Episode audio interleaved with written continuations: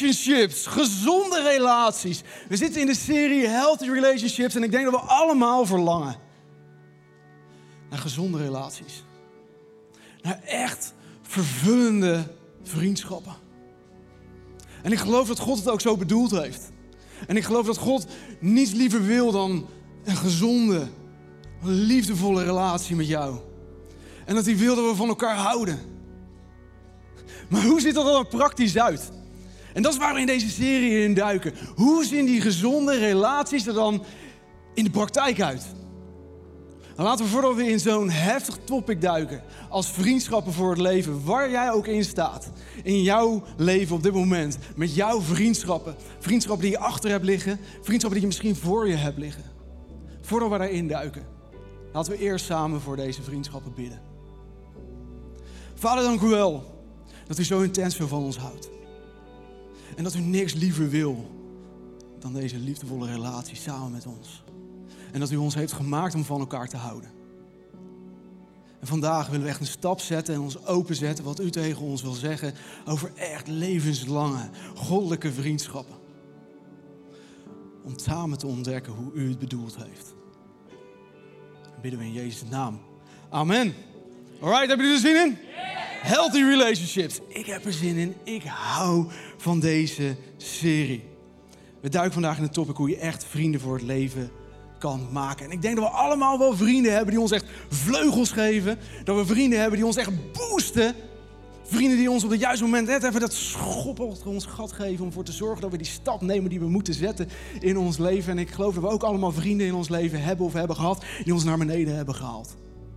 En hoe maak je nou dat onderscheid? Hoe weet je nou wat echt gezonde en minder gezonde relaties zijn? Vriendschappen zijn. En vandaag brengen we iets minder theologie. Gaan we iets minder moeilijke topics in. Maar vandaag willen we echt voorbeelden uit het leven trekken en hier op het podium brengen. Willen we echt laten zien en vertellen over de vriendschappen die wij ervaren en de mensen om ons heen, hoe zij die vriendschappen ervaren. Om echt hele praktische tools mee te geven waar jij mee aan de gang kan. Samen met je small group, met je vrienden en natuurlijk samen met je fantastische Jezus. Om echt op die manier je vriendschap nieuw leven in te blazen. En de laatste weken hebben we al kennis kunnen maken met deze fantastische piramide. En tijdens de eerste topic hebben we gekeken naar het geestelijke. En hebben we gezien op het moment dat we een relatie met ons opbouwen, of het nou een vriendschaprelatie is of echt een liefdesrelatie. En we beginnen bovenaan. Als je een piramide gaat bouwen en je begint met de top, blijft de piramide dan overeind staan? Dat is precies hetzelfde met je relaties. Dat op het moment dat we fysiek beginnen en daarna een keer sociaal en dan is emotioneel en dan is iets geestelijks erbovenop proberen te gooien, dat uiteindelijk alles omvalt. Vorige week hebben we kunnen zien dat als er issues zijn in je relaties en je neemt die mee naar je volgende relatie zonder ze eerst op te lossen, dat ze vroeg of laat weer naar boven toe komen en weer in de relaties om zeep kunnen helpen. En dat het deze piramide uit evenwicht brengt. En de komende weken gaan we kijken naar sociaal en emotioneel. En het hoogtepunt ligt bij fysiek, seksualiteit. Dat is de climax. Maar vandaag gaan we kijken naar sociaal. Hoe kunnen we echt vriendschappen voor het leven maken? Hoe kunnen we echt vriendschappen maken die een leven lang duren. En we kennen denk ik allemaal van die momenten in ons leven waarin we denken, ik heb zo'n zware lood die ik alsmaar voor me uit moet trekken in mijn leven. En het is te zwaar. Waarom moet ik dit gewicht in mijn leven dragen? Ik voel me net een werkpaard. Wist je dat werkpaarden tot 3,6 ton met zich mee kunnen trekken. Dat is 3600 kilogram. Kunnen ze met zich meetrekken? Soms voel ik me net zo'n werkpaard. Die 3600 kilogram met zich mee aan het trekken is aan gewicht. En dat ik het allemaal in mijn eentje moet doen. Wie is hier wel eens verhuisd? Allemaal wel een keer. Zo'n moment dat je verhuist en dan letterlijk dat je al het gewicht van je leven van de ene plek naar de andere plek aan het dragen bent. Dus wat doe je dan? Je maakt een WhatsApp-groep aan waarin je al je vrienden uitnodigt voor het verhuis feestje. Nou, als ik een feestje haal, dan zorg ik ervoor dat er goed eten is, dat er goede muziek is, dat er goede sfeer is. Maar die verhuisfeestjes bestaan vaak uit heel hard werken en daarna krijg je een en een biertje. Ik weet niet wie die feestjes heeft verzonnen, maar... En op het moment dat ik zo'n WhatsApp binnenkrijg, denk ik... Ja, waarom waren wij ook alweer vrienden? En je ontdekt vaak op die momenten ook wie je vrienden zijn. Ik herinner me nog heel goed dat wij gingen verhuizen. En opeens stonden er zoveel mensen voor de deur die, die ik wat doe je hier? Ja, kom helpen verhuizen. Oh my gosh. Soms ontdek je dan echt wie je vrienden zijn. Omdat je simpelweg een tweede werkpaard naast je nodig hebt. Om het voor elkaar te krijgen. Om die hele lood te kunnen verplaatsen. En het gewicht niet alleen te hoeven dragen. Afgelopen week waren we mijn vrouw is hoogzwanger en we moesten een bed op klossen zetten. Dat moet dan hoog staan, anders krijgt de verloskundige last van de rug of iets. Maar ik begrijp het nog steeds niet precies, maar ons bed staat nu zo hoog dat mijn vrouw een opstapje nodig heeft om erin te komen. En we hebben een best zwaar bed en het is een heel laag bed, dus er moesten best hoge klossen onder. En ik zou dat natuurlijk wel eventjes in mijn eentje gaan doen. Dus ik had het voor elkaar, matras eraf, zo licht mogelijk maken, om één kant op te tillen en met één voet klossen eronder te trappen. Oké, en het bed stond scheef. Eén kant stond omhoog. Maar dan komt want dan moet je de andere kant ook gaan doen en die moet je eerst over dat dode punt heen tillen. En dat was het moment dat mijn schoonvader binnenkwam lopen. Mat, ben je het nou weer allemaal in je eentje aan het doen? 70 jaar, door zijn knieën. Ik de andere kant, tillen het op. Alsof het niks is. Schuiven die klossen eronder, het bed staat omhoog. Je hebt mensen om je heen nodig om dit soort lood te dragen. Niet alleen dit soort situaties. Als er een naaste bij je overlijdt, doe het niet alleen. Je hebt mensen om je heen nodig. Als je gezondheid het af laat weten, je hebt mensen om je heen nodig. We hebben deze vrienden en werkpaarden nodig. Want wist je trouwens op het moment dat je twee werkpaarden naast elkaar zet, dat betekent dat niet dat ze 3600 kilogram twee keer kunnen tillen. Dat betekent dat ze 3600 kilogram drie keer kunnen tillen met z'n tweeën. En op het moment dat die twee werkpaarden echt op elkaar in zijn gespeeld. En ik geloof dat het op vriendschap precies hetzelfde is. Als je echt op elkaar in bent gespeeld, dan kunnen ze tot vier keer het gewicht dragen. Dit zijn de vriendschappen die we om ons heen nodig hebben in ons leven. Dit zijn die levenslange, goddelijke vriendschappen waarvan ik geloof dat God het zo bedoeld heeft. In spreuken lezen we dit. Wie veel vrienden heeft, raakt geruineerd. Ik denk dat dat is omdat je dan al die verjaardagen moet, cadeautje moet kopen. Dat het daar ligt. Maar hier komt het, want daar gaat het wat mij betreft om. Maar een echte vriend is meer waard dan een broer.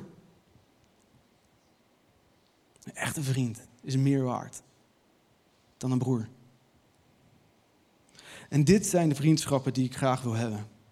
Dit zijn de vriendschappen die we echt nodig hebben. En als je terugkijkt naar jouw vriendschappen van de afgelopen zeven jaar, dan zijn sociologen het over eens dat je de helft van die vriendschappen na zeven jaar niet meer hebt. En dat de echte vrienden die echt close zijn, dat daar maar een derde van over is. En wat ik daaruit op kan maken is dat vriendschappen, dat dat hard werk is. Dat vriendschappen, dat het iets is waar je echt in moet investeren. Om ze dicht bij je te houden. Om elkaar echt goed te leren kennen.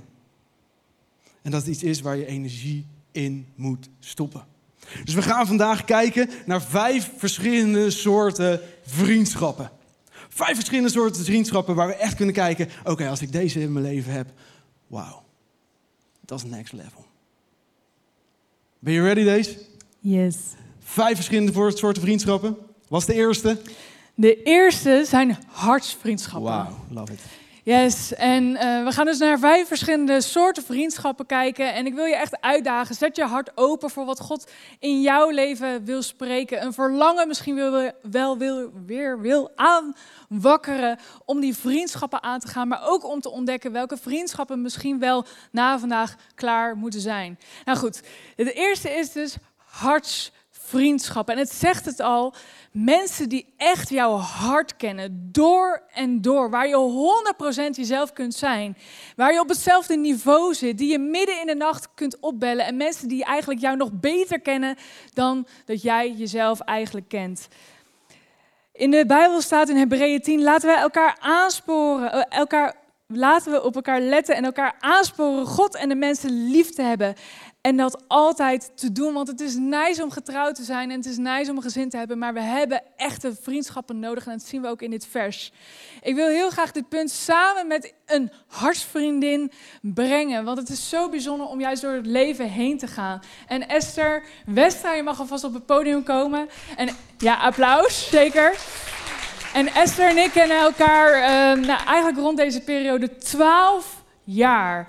En wow. gisteren was voor mij een bijzonder moment, want gisteren was het namelijk elf jaar geleden dat ik een persoonlijke keuze voor Jezus had gemaakt. En het was niet door ja, als jij er niet was geweest, had ik die keuze nooit gemaakt. En ik ben er gewoon echt mega dankbaar voor. En het laat mij echt zien wat de power van vriendschappen is. Om elkaar lang te kennen, te blijven investeren in elkaar. Echt elkaars hart te willen leren kennen. En daar wil ik je voor bedanken. We hebben heel veel meegemaakt. Verhuizingen, bruiloften, zwangerschappen, projecten. En uh, nou, je bent echt uh, mijn beste vriendin. Dank je, dank je, dank je, dank je. Tof om met jou hier te staan. Ja, nou ja, goed. We gaan het dus hebben over hartsvriendschappen. En een aantal dingen die daarin belangrijk zijn, uh, gaan we met jullie meegeven. En het eerste punt is, we moedigen elkaar aan. Juist op die momenten dat je niet meer verder kan zien.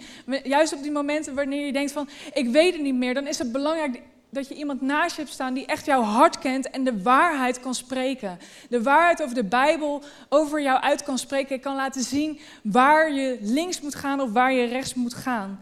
Mensen die je door en door kennen. En ook regelmatig sta ik hier op het podium en Esther is verantwoordelijk hier binnen de kerk voor deze messages. Dus wat ik op dit moment ook allemaal aan het zeggen ben. Dus dan spreken we dat van tevoren eventjes praktisch met elkaar door. Maar ik voel me ook niet te slecht of te goed om haar aan haar te vragen. Esther, wat moet ik aan?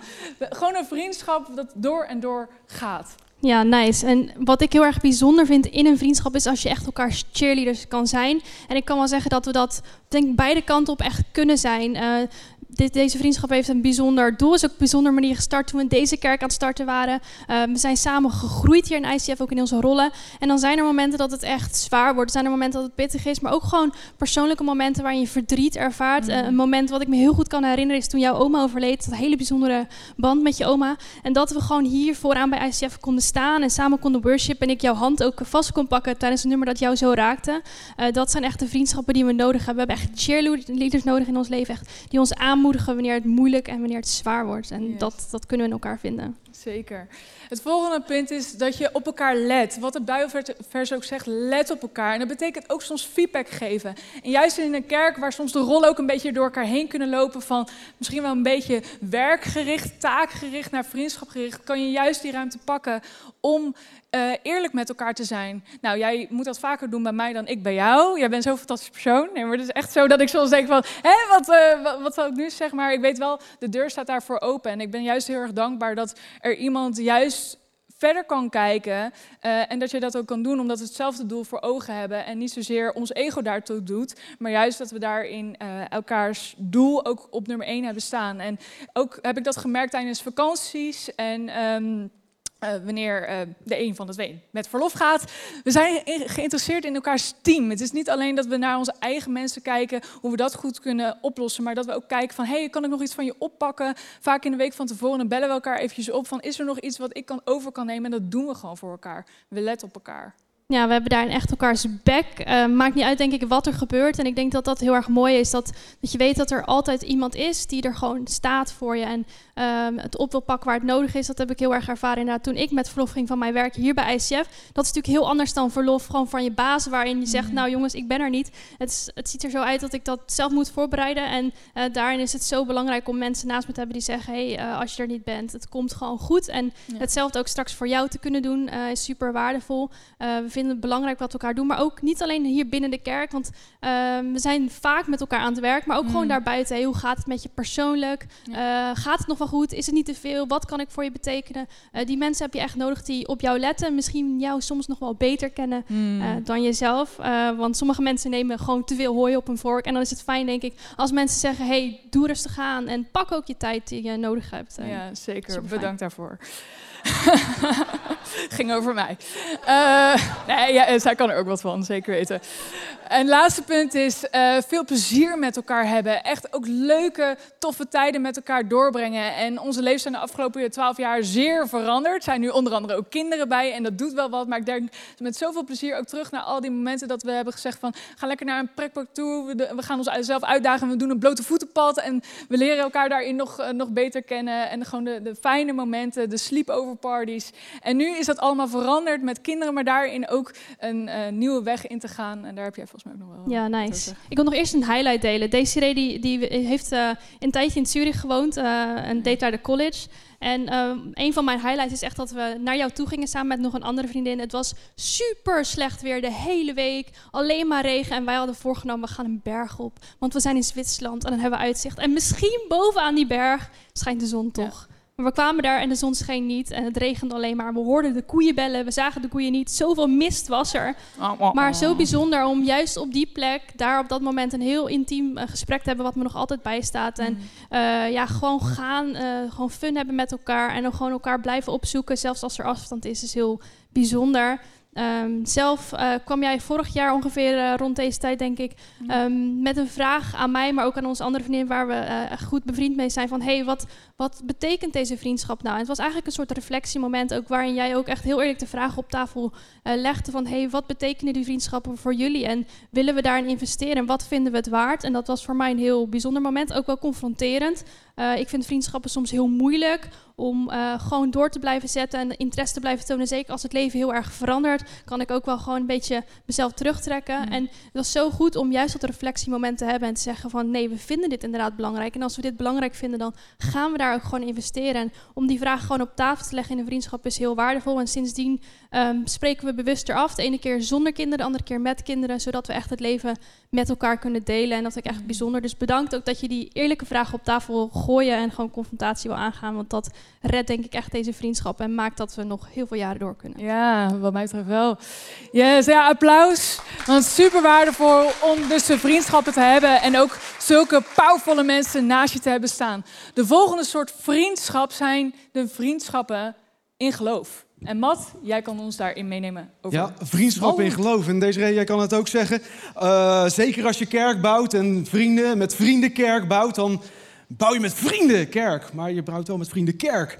Het is werken samen, het is soms tough, het is soms rough en het is soms heel eerlijk. En er zijn hier een aantal mensen in de zaal die ik allemaal aan kan kijken daarin en denk van, hoe, onze relatie staat soms echt op scherp, juist daarom. Maar dat maakt ook dat we grote stappen nemen samen. En in de Bijbel lezen we, want als wij vallen, helpt de een zijn metgezel overeind. Maar wee die ene die valt, terwijl er geen tweede is om die overeind te helpen. En als iemand die ene overweldigt, zullen die twee tegen hem stand houden. Een drievoudig snoer wordt niet snel gebroken. We hebben die vriendschappen nodig om ons overeind te helpen, om sterk te blijven, om de volgende stap te blijven nemen. En voor mij persoonlijk is dat echt mijn small group. Small group is een plek waar ik God kan ervaren, waar ik kan groeien en waar ik boven alles echte goddelijke vriendschap kan ervaren. Waar ik echt samen met mannen kan zitten. En waar ik hart tot hart met elkaar kan praten. Waar we echt open en eerlijk tegen elkaar zijn. Mensen die me verder helpen omdat zij verder zijn. Mensen die ik verder kan helpen omdat ik op een ander punt kijk. Afgelopen donderdag hadden we een hele kleine smallgroep met drie mannen. En we zaten alle drie op een ander punt met vrouwen die zwanger zijn.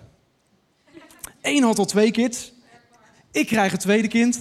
En de ander krijgt zijn eerste kind. En we staan allemaal op hetzelfde punt, maar ook totaal anders. En opeens konden we zulke intieme gesprekken met elkaar houden hierover. Hoe we dit ervaarden, hoe we dingen aanpakten, hoe we. En dit is voor mij echte vriendschap. Zeker als we het combineren met geloof. Wat betekent dat? Dat betekent dat we zijn toegewijd.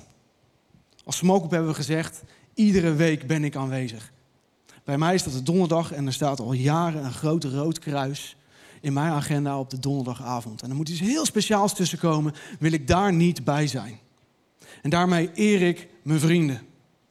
Jullie zijn zoveel waard voor mij dat ik dit kruis in mijn agenda zet en dat ik daar aanwezig ben. En daar zet ik alles voor opzij. En doordat je zo toegewijd bent, ontstaat al direct die vertrouwensband, wat ervoor zorgt dat je echt hart tot hart met elkaar kan praten. En echt die diepste gevoelens kan delen. Dat je die overwinningen samen kan vieren. Dat je als je door dalen heen gaat, dat je elkaar er doorheen kan trekken. Dat je samen kan janken. Zelfs de mannen. Geloof het of niet, maar wij kunnen dat. Als we bij elkaar zijn. Verder zijn geloofsvrienden mensen die elkaar accepteren. Omdat we onder iedere omstandigheid elkaar accepteren, kan ook ieder topic worden besproken. Alles kan worden besproken. En dat zorgt ervoor dat de situatie altijd veilig is. Ook om elkaar feedback te geven. En te zeggen, nou, ik zie dit gebeuren. Moet je niet meer dit? Moet je niet meer dat? Hoe kunnen we hier samen een stap in nemen? Hoe kunnen we samen met onze Jezus daar een stap in nemen? En als derde, we leren van elkaar. We leren van elkaar. We doen het niet alleen, zoals we net in dat vers lazen. We doen het niet alleen, we leren van elkaar. En de een staat hier en de ander staat daar. En daarom wil ik jou next level trekken. En ik weet dat er mensen zijn die weer op andere topics next level kunnen en willen trekken. En dat is voor mij small group. En dat zijn mijn geloofsvrienden. Dat zijn vriendschappen die mijn leven een aantal jaar geleden letterlijk ondersteboven hebben gezet. Het is zo belangrijk om deze vrienden in je omgeving te hebben. Esther, jij hebt daar een speciaal voorbeeld over. Over deze vriendschappen die je echt in je omgeving moet hebben. Yes, nice. Ehm, in 2016 verhuisde ik van Leiden naar Voorschoten. Onwijs ver natuurlijk. Ik kende helemaal niemand in Voorschoten. Uh, totdat ik hier iemand in de kerk iemand leerde kennen die ook in Voorschoten woonde. En we zagen elkaar wel spraken elkaar wel eens, uh, maar nog niet heel, heel, heel, iets bijzonders opgebouwd. Totdat ik mijn oudste dochter kreeg en het Malike was die voor mij uh, aan de deur stond. Chocoladetruffels meenam, nog veel meer andere lekkere dingen meenam. En echt vanaf dat moment is er een hele bijzondere band gebouwd waarin het zo fijn is om mensen dichtbij om je heen te hebben, om echt vrienden daarmee te zijn. En hoe zij mij echt geïnspireerd heeft, is toch gewoon te laten zien: hey, is er iets bijzonders in je leven? Is er een moment waar je hulp nodig hebt? Dan sta ik gewoon voor je deur. Uh, vorige week hadden wij, uh, zaten wij in quarantaine en kwam Malike weer langs met tompoezen. Nou, heerlijk natuurlijk. Maar het is zo bijzonder en zij heeft me echt geïnspireerd om te laten zien: hey, ik doe dat extra's voor iemand. En uh, zeker nu ik kinderen heb, is het gewoon heel erg fijn om mensen in de buurt te hebben die, als er iets is, ik kan gewoon bellen en ik weet, ze staat, staat voor me klaar. En hetzelfde ook voor haar. En uh, voor mij is zij ook wel echt een voorbeeld in dat zij echt de eerste stap heeft gezet en ook echt geïnvesteerd in die vriendschap. En soms denk ik van: oh, ik wou echt zo dat ik zo'n vriend of vriendin had. En misschien ben jij ook wel degene die nu denkt: ik wou dat ik zo'n vriend of vriendin had. Maar wat mij uh, laat zien is dat zij het verlangen ook had om zo'n vriendin te hebben. Maar zij zette de eerste stap. En zij zorgde ervoor dat onze relatie echt, uh, vriendschap echt werd gebouwd. Um, en daar ben ik echt super dankbaar voor. Dus maar bedankt, Malika. Yes, cool. Ja, vrienden om je heen, dat kunnen dus vrienden in je omgeving zijn, mensen die dichtbij wonen, maar ook mensen waar je dus heel veel tijd mee doorbrengt. Nou, waar doe je dat? Waarschijnlijk op je werk en waarschijnlijk ook in kerk, in je team. En ik ben er echt verliefd op, om de mensen die je zo vaak ziet, om die ook te eren. Want heel vaak neem het maar voor lief dat iemand naast je staat, in je team zit of daar je vrienden mee bent. En misschien zelfs ook meer dan een aantal jaar. En ik vind het zo bijzonder om soms ook te zeggen van... hé, hey, ik waardeer jou, ik zie jou. En ik vind het echt bijzonder dat wij vrienden zijn. Als je een partner hebt, dan zal het ook wel vaker voorkomen dat je zegt... ik hou van je. Ja, waarom doen we dat niet met vrienden? Waarom zou je niet tegen je vrienden zeggen van... wauw, ik ben trots op je. Ik vind het bijzonder dat wij vrienden zijn. En neem daar ook echt die eerste stap in. Want vaak door het ook uit te spreken, weet de ander dus ook wat je aan diegene hebt. Heel vaak blijft het zo gissen en denk je van, nou, hebben we nou een vriendschap? Ja of nee? Waarom dat niet gewoon vragen? Waarom niet gewoon uitspreken? Waarom dus niet zeggen: Ik zie dat we hier staan, we kunnen het goed met elkaar vinden, we hebben een beetje hetzelfde doel of we zitten in dezelfde fase. Zouden we niet een stap verder kunnen nemen in onze vriendschap? Waarom niet die vraag stellen? Vrienden om je heen. Nou, ik ben super dankbaar voor de vriendschappen die ik de afgelopen twaalf jaar dus in deze kerk heb kunnen bouwen. Mensen waar ik echt door dik en dun ben, ben mee gegaan in verschillende fases van mijn leven en zoveel vrienden daarin te hebben ontmoet en ook echt actief voor degene te zijn. Ik heb een foto meegenomen van mijn bruiloft en deze foto, ja, als ik daarnaar kijk, dan denk ik echt, wauw. Niet alleen om mijn fantastische jurk, maar vooral die vrouw die om me heen staan, die ik echt allemaal meer dan twaalf jaar al ken. en allemaal een vaste relatie met Jezus. En dat vind ik zo bijzonder, want het laat me echt zien dat het gaat niet zomaar. Maar wist je dat jij de gemiddelde van de zeven personen bent waar je het meest mee omgaat? De, de mensen waar je mee praat, mensen waar je mee werkt, die hebben een invloed op je leven. Daar kom ik later nog op terug. Maar deze foto, die doet heel veel in mijn hart. Ik wil jullie eerst een, um, een Bijbelvers voorlezen. In Filippenzen 2 staat, denk niet alleen aan uw eigen belang, maar ook aan dat van anderen. Het is bijzonder om in een kerk te zijn, om een fundament van geloof te hebben. Dat je zegt, wij bouwen onze vriendschap op Jezus. Dat je de start, eh, start met een geestelijk start. Dat je zegt, Jezus is ons begin. En we zijn benieuwd waar ons dat verder in gaat brengen. En deze foto laat mij zien dat dat ook echt kan. Kies voor vrienden waar je samen mee kunt groeien. Als ik die foto weer mag laten zien. Ik wil eventjes inzoomen op twee uh, meiden die hier staan. Eentje helemaal op rechts, dat is Heaven. En twee daarnaast, dus in deze mooie bruine jurk, dat is Anne Wil. En deze twee meiden wil ik eventjes uitlichten, want als ik ze allemaal acht moet benoemen, dat kan ik. Maar uh, dan duurt deze celebratie veel te lang. Maar deze meiden, dat vind ik zo bijzonder om met hun door het leven heen te gaan. En echt, met deze meiden heb ik zoveel uur mee doorgebracht. Met Heaven heb ik zelfs een tijdje in Zwitserland gewoond. En Anne Wil, die ken ik al meer dan 25 jaar. En we zijn daarin echt vrienden voor het leven. We kennen elkaar echt beter dan wie dan ook. En ik wil even op hun inzoomen met de volgende punten. Het eerste is deze meiden inspireren mij. Ik vind het zo bijzonder hoe de Heilige Geest door hun heen werkt. Heaven, als je haar wel eens een keer hebt zien zien spreken op podium, de vonken die vliegen er echt van af. De manier hoe zij naar Gods stem luisteren, denk ik echt, wauw, kan ik dat ook leren? Zullen we het samen doen? We bidden voor elkaar, we zijn er voor elkaar. Anne wil daardoorheen, eh, de Heilige Geest werkt zo bijzonder door haar heen in deze kerk met haar creativiteit. We leiden samen uh, het communicatie- en designteam in deze kerk. En het is zo bijzonder om daarin elkaar ook te schuren en te slijpen. En echt het beste in deze kerk naar boven te halen. Doordat wij het beste in elkaar naar boven willen halen. We, inspireren elkaar. En ik weet zeker dat ik dat ook met mijn talenten, met mijn gaven in hun levens kan doen. En daar ben ik ze ook mega dankbaar voor dat ik dat kan doen. Het volgende is ze dienen elkaar.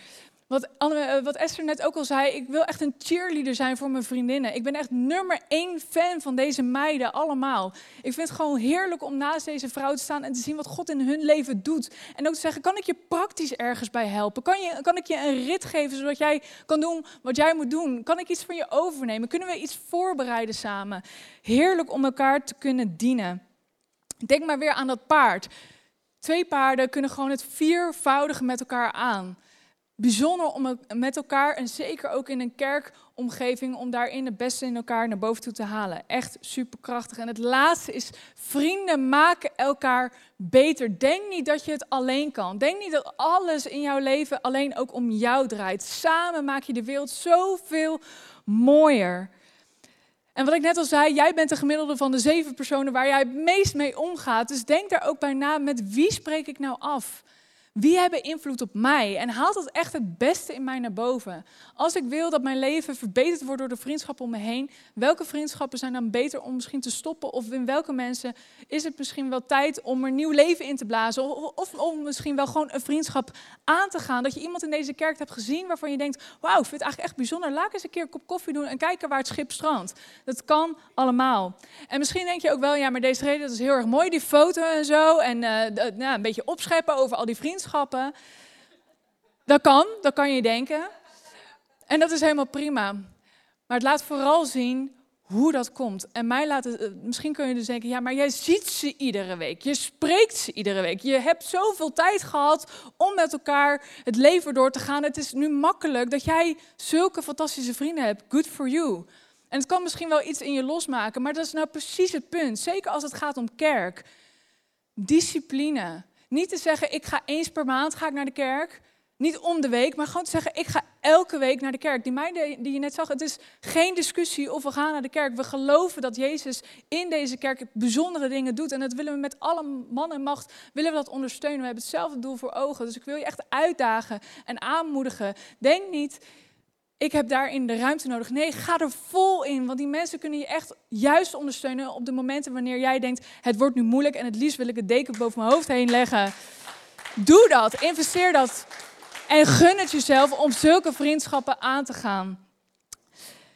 Yes. Matthias, er zijn nog twee vormen van vriendschappen. Hmm, zeker. Wil jij ons meenemen in intergenerationele vriendschappen? Ja, we hebben nog intergenerationele vriendschappen en vriendschappen met een doel.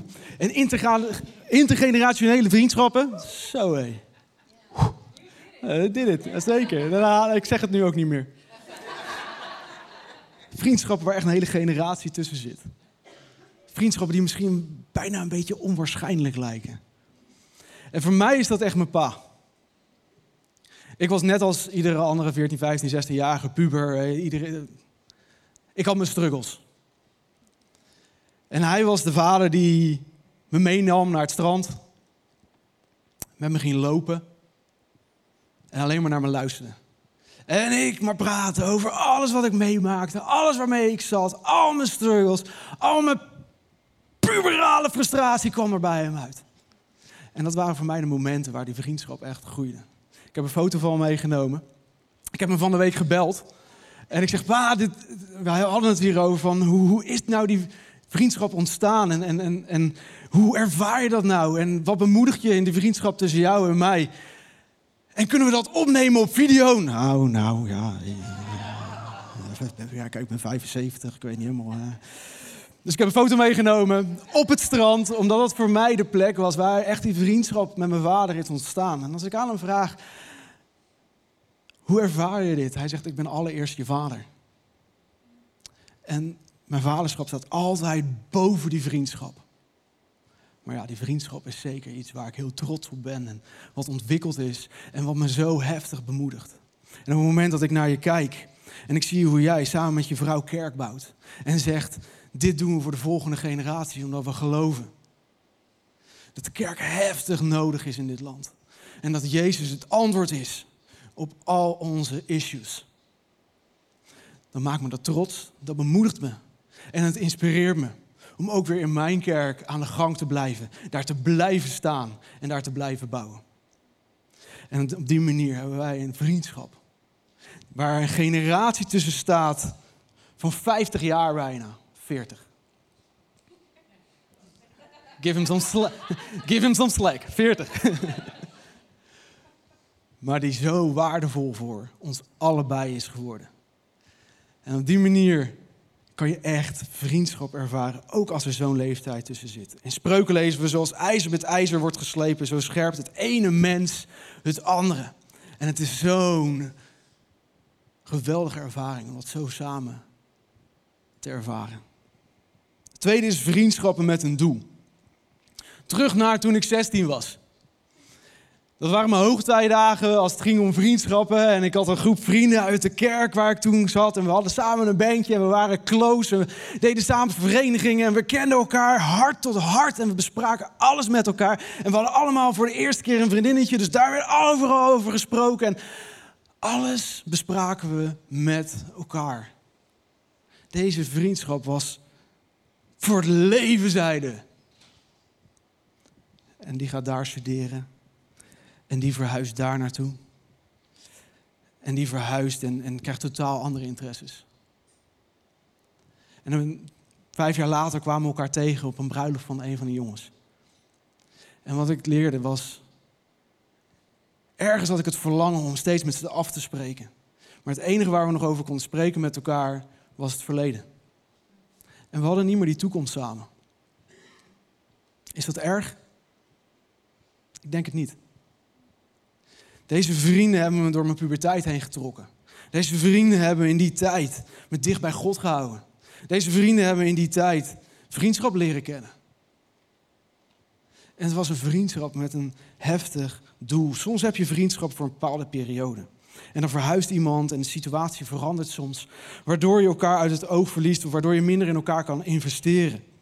Soms zijn vriendschappen simpelweg voor een bepaald seizoen in je leven. Koester ze, investeer in ze, hou van ze. Maar je mag er oké mee zijn om te zeggen, en nu ga ik verder. Nu is het goed en nu laat je los. Je mag selectief zijn in die vriendschappen. En dan is nog de vraag, Tussen al deze geweldige voorbeelden. Hoe herken je dan ongezonde relaties? Hoe herken je dan ongezonde vriendschappen? Misschien herken je een van deze punten. Wanneer je in een vriendschap het gevoel hebt dat je wordt gebruikt. Misschien moet ik wel zeggen dat je wordt misbruikt. Wanneer je je in een vriendschap niet ondersteund voelt. Wanneer je vrienden niet zeggen schouder en schouder en hier gaan we samen aan door. Want we vieren niet alleen overwinningen, maar we gaan ook samen door die dal heen. Wanneer je het idee hebt dat je in je vriendschap wordt verraden. Of wanneer je constant in concurrentie leeft. Ik weet niet hoe het met vrouwen is, maar bij mannen, woe, in de kroeg, verhalen jongen.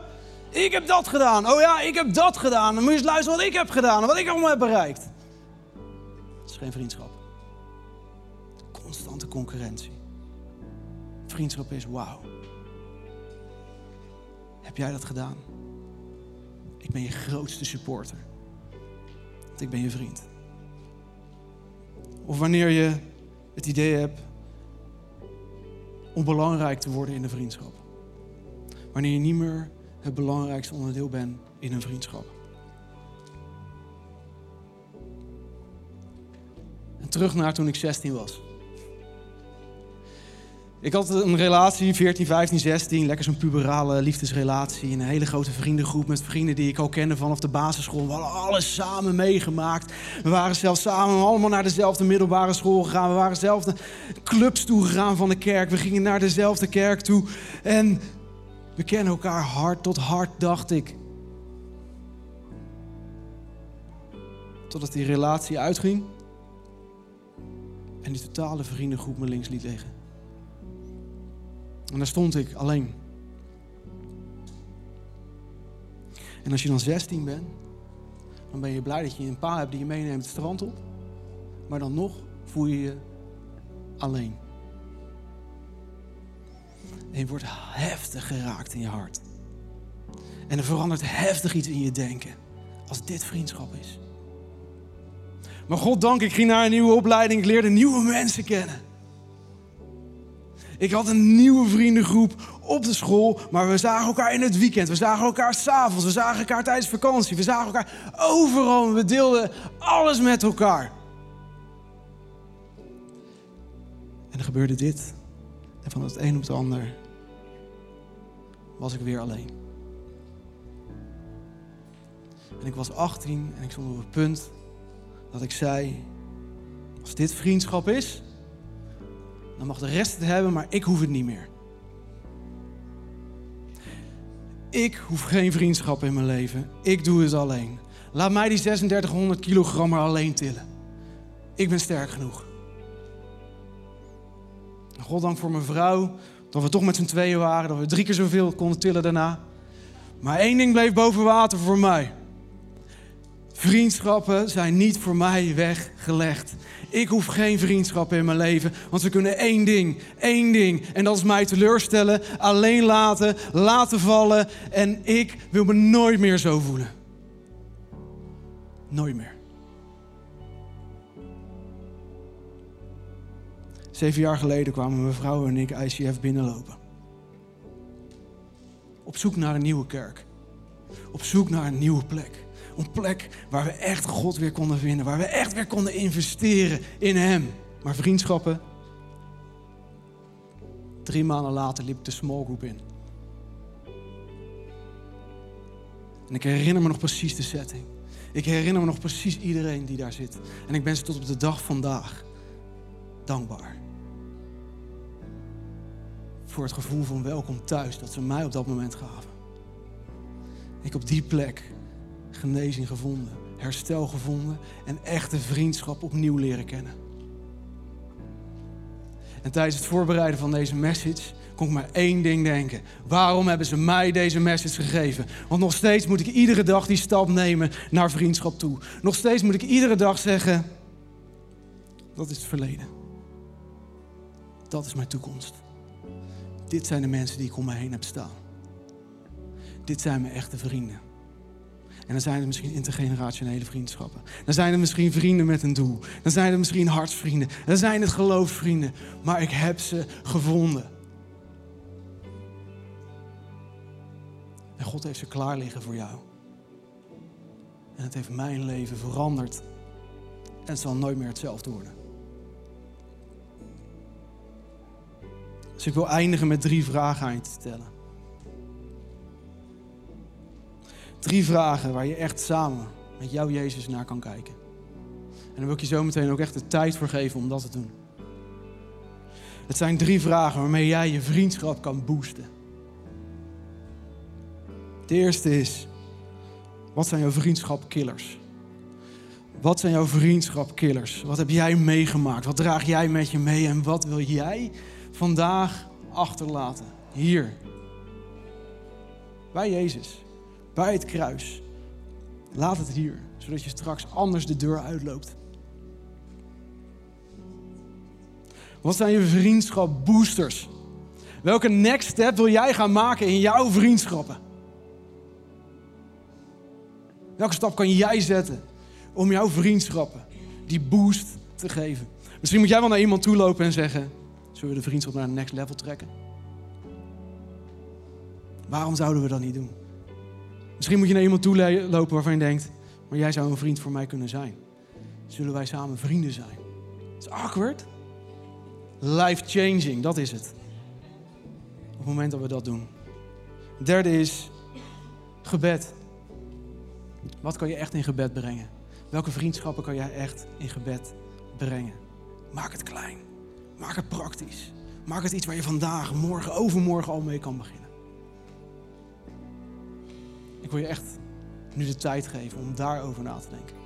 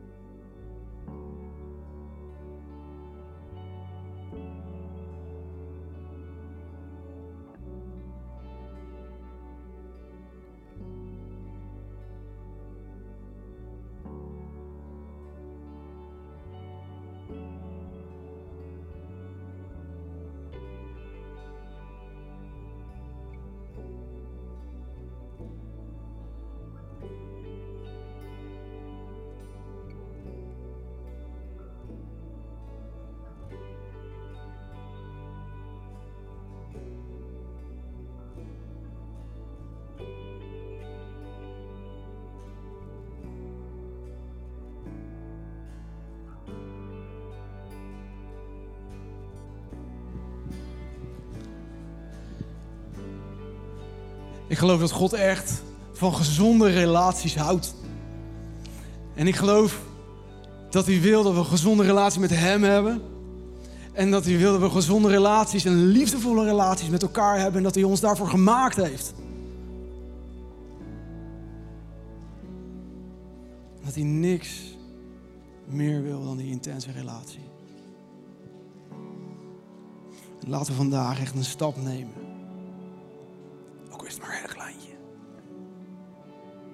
Om dichter bij die liefdevolle, levenslange vriendschaprelaties te komen. Kom staan en laten we echt actief voor bidden.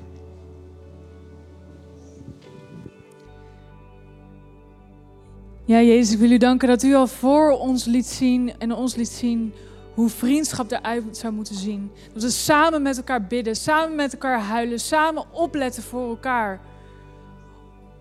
Om echt elkaar de rug te sterken. En Jezus, u weet ook wat het is om verraden te worden. U weet ook wat het is om verdriet te hebben en daar alleen in te voelen. In de steek te gelaten te voelen. En die gevoelens die wij ook herkennen van misschien ver, ver, ver in het verleden, waar je misschien zelfs voor schaamt dat je daar nog druk over maakt of dat dat je elke keer weer houdt. We leggen het neer bij het kruis en het blijft daar. En wil je zegenen en meegeven dat die vrije liefde voor iedereen beschikbaar is om weer uit te stappen, ons hart open te zetten. En Heilige Geest, we vragen daarin voor een wonder, juist op die plekken waar nog zo'n grote muur staat. Om een bepaald gesprek aan te gaan of een bepaalde persoon toch te confronteren of onszelf te confronteren. Heilige Geest, leid ons daarin. Ook hier binnen in de kerk. Kerk is meer dan een worship song. Kerk is meer dan een nummer, dan een message, dan een bakje koffie. Het is mensen. En ik wil u daar zo voor danken dat dat onze focus is. Die vriendschappen, familie zijn, één zijn. En daarin een stap te nemen. En daarin schaamte, schuld, whatsoever bij het kruis neer te leggen en daar te laten. We willen bidden voor gezonde vriendschappen in deze kerk, buiten deze kerk, die echt een invloed hebben op de omgeving waarin we zijn. Heilige Geest, werk daar doorheen. Doe iets bijzonders in ons hart. Doe iets bijzonders in onze vriendschappen. En vader, we willen u danken voor het voorbeeld dat u heeft gegeven. En we willen u echt bidden om die muur naar beneden te halen. Hmm. Om die eerste stap te kunnen gaan zetten naar onze vrienden toe. Maar misschien vandaag de eerste stap te zetten, ons aan te melden voor onze small group. Yes. Om geloofsvrienden om ons heen te verzamelen die ons door dik en dun doorheen trekken. Mm. En waarin ik ook een vriend naar hun kan zijn. Dat we de muur naar beneden halen die ons tegenhoudt van herinneringen uit het verleden. Pijnlijke herinneringen. Verdriet dat ons aangedaan is verdriet dat we anderen hebben aangedaan. Alles wat we met ons meenemen, willen we vandaag hier op deze plek achterlaten bij u. Zodat we anders de deur uitlopen en echt een stap kunnen gaan zetten in die gezonde relaties zoals u bedoeld heeft.